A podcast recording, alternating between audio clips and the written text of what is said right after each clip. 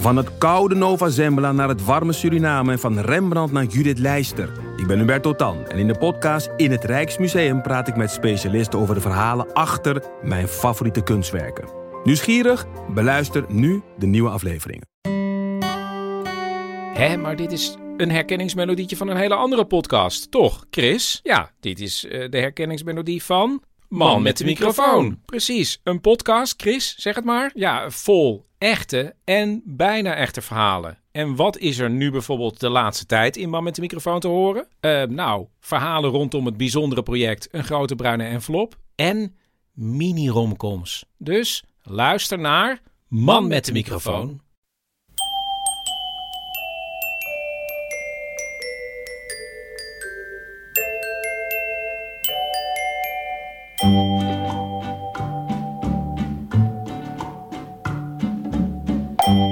Welkom bij aflevering 159 van de Echt Gebeurd podcast, waar waargebeurde verhalen worden verteld door de mensen die ze zelf hebben meegemaakt. Af en toe laten we ook iemand horen die voorleest uit zijn of haar puurdagboek. En dit keer is dat René van Heteren. Een waarschuwing vooraf: dit is een heftig dagboek, niet geschikt om met kinderen te luisteren.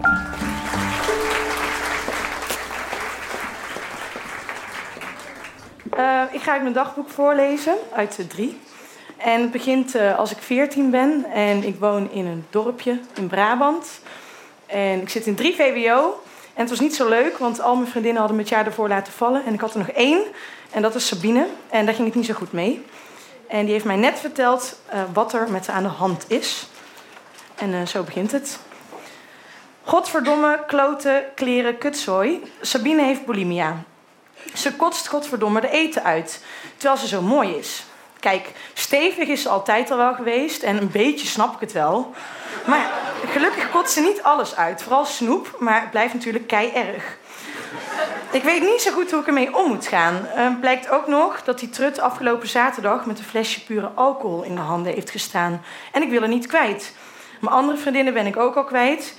Maar ik denk niet dat ze het doet. Ze moet zichzelf niet uh, kapot maken. Daarvoor houden te veel mensen van haar. Ze is zo mooi, vooral de figuur. Nu moet ze naar het RIAG en ik hoop dat het goed komt. Ze is ook anderhalve maand over tijd, maar ze heeft geen ondergewicht, gelukkig.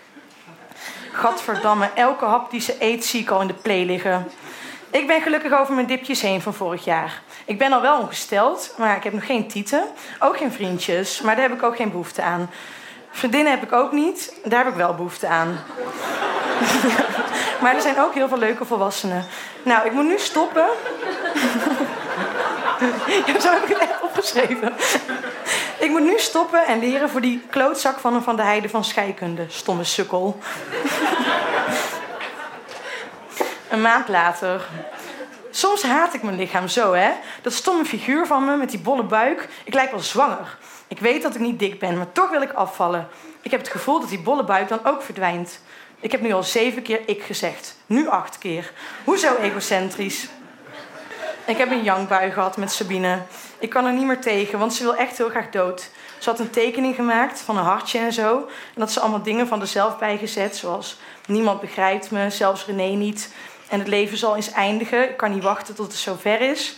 En mijn leven en mijn gedachten, alles zit propvol. Is toch erg? Ik kan er niet tegen. En die jankbui zat er ook al aan te komen. Nu ga ik een dagboek voor de kopen. Echt zo'n mooie waar ze later in kan terugbladeren. En nu heb ik een briefje, dat had ik op school geschreven.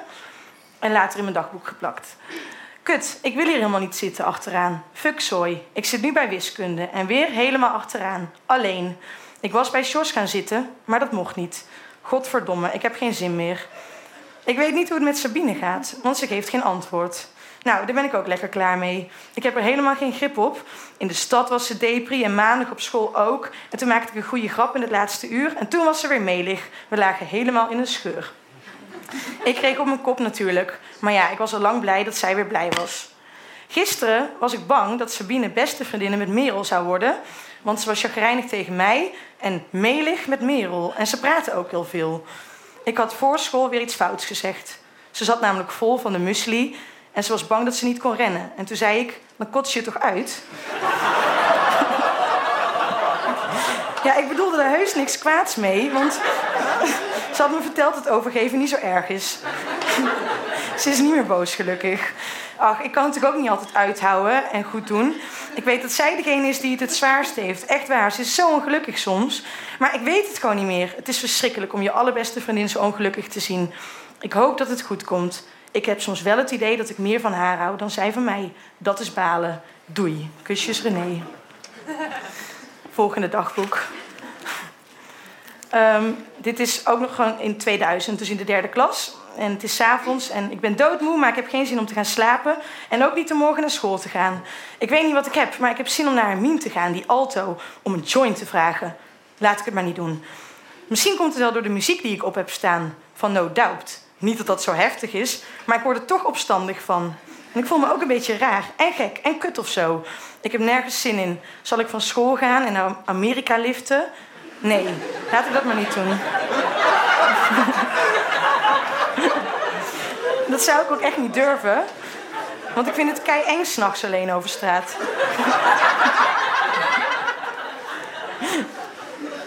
Het gaat niet goed met Sabine, maar dat was vast al duidelijk. Ze gaat nu ook al voor tientallen guldens, 60 gulden dus, in het dorp vreten. En ze is altijd chagrijnig en ze loopt op alles en iedereen te schelden. Dat is niet leuk, maar ik kat gewoon terug. Ik erger me ook aan mijn vader. Ik weet dat ik het heel goed heb thuis. Ik moet het wel waarderen, maar als ik dan bij anderen ben, vind ik het daar toch leuker. Nu walg ik van mezelf. Dit huis is hartstikke goed en groot en ik heb ook twee getrouwde ouders en een gezonde broer en een vriendin die ik niet kwijt wil. Hoewel, dat weet ik niet zeker. Nee, ik wil er niet kwijt. Oké, ik ga slapen, want ik heb morgen een SO, of nee, een proefwerk van geschiedenis over het imperialisme. De proefwerken deze week gingen iets minder. Oh ja, shit man, er is een meisje doodgereden. Het zusje van Gerry Vermeulen, waarbij ik in de eerste klas heb gezeten. Ze was geschept door een auto op weg naar Oosterhout. Nou, doei, kusjes. Toen uh, was ik daarna op vakantie met Sabine.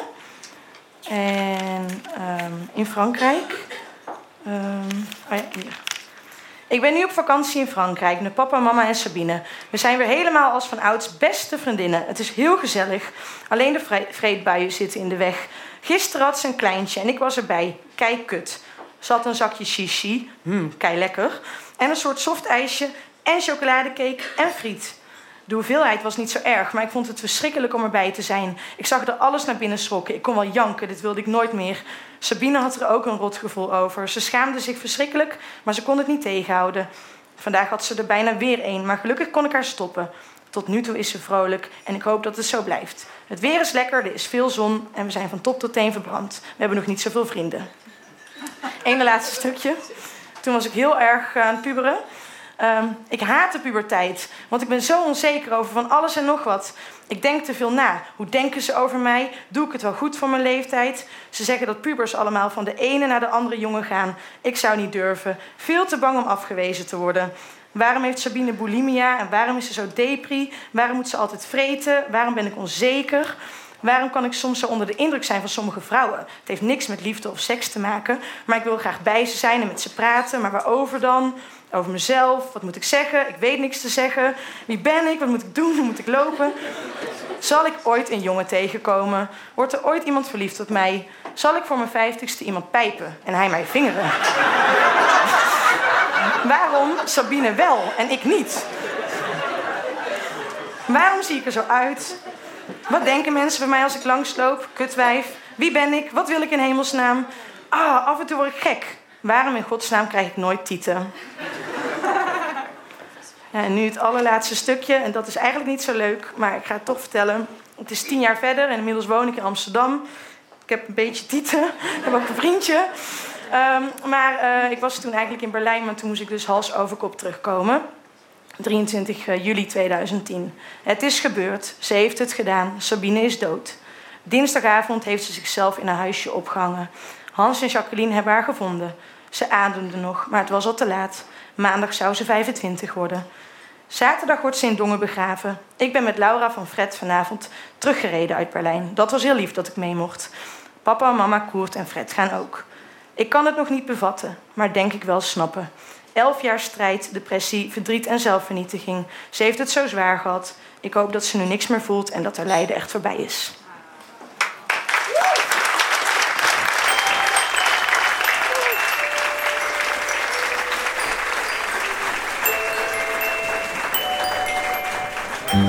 Dat was het dagboek van René van Heteren. René is journalist, tekstschrijver en digitale nomade. Volg haar op haar reizen op renévanheteren.com. Echt gebeurd wordt iedere derde zondag van de maand opgenomen in Toemler onder het Hilton Hotel in Amsterdam. De komende aflevering is op 15 april en het thema is dan slechte beslissing. Mocht het vol zijn, kom dan op 20 mei. Het thema is dan via internet en we zijn ook nog op zoek naar goede verhalen via internet. Als je wil vertellen, dan kun je je dus via internet opgeven op echtgebeurd.net. Op de website staat ook een donatieknop en we zouden het erg waarderen als je iets wilt doneren. Echt gebeurd is intensief en dus duur om te maken en op deze manier kun je eraan meehelpen dat we kunnen blijven bestaan. De redactie van Echt Gebeurd bestaat uit Micha Wertheim, Rosa van Toledo, Maarten Westerveen en mijzelf, Paulien Cornelissen. De techniek is in handen van Nicolaas Vrijman en Gijsbert van der Wal. Tot de volgende podcast.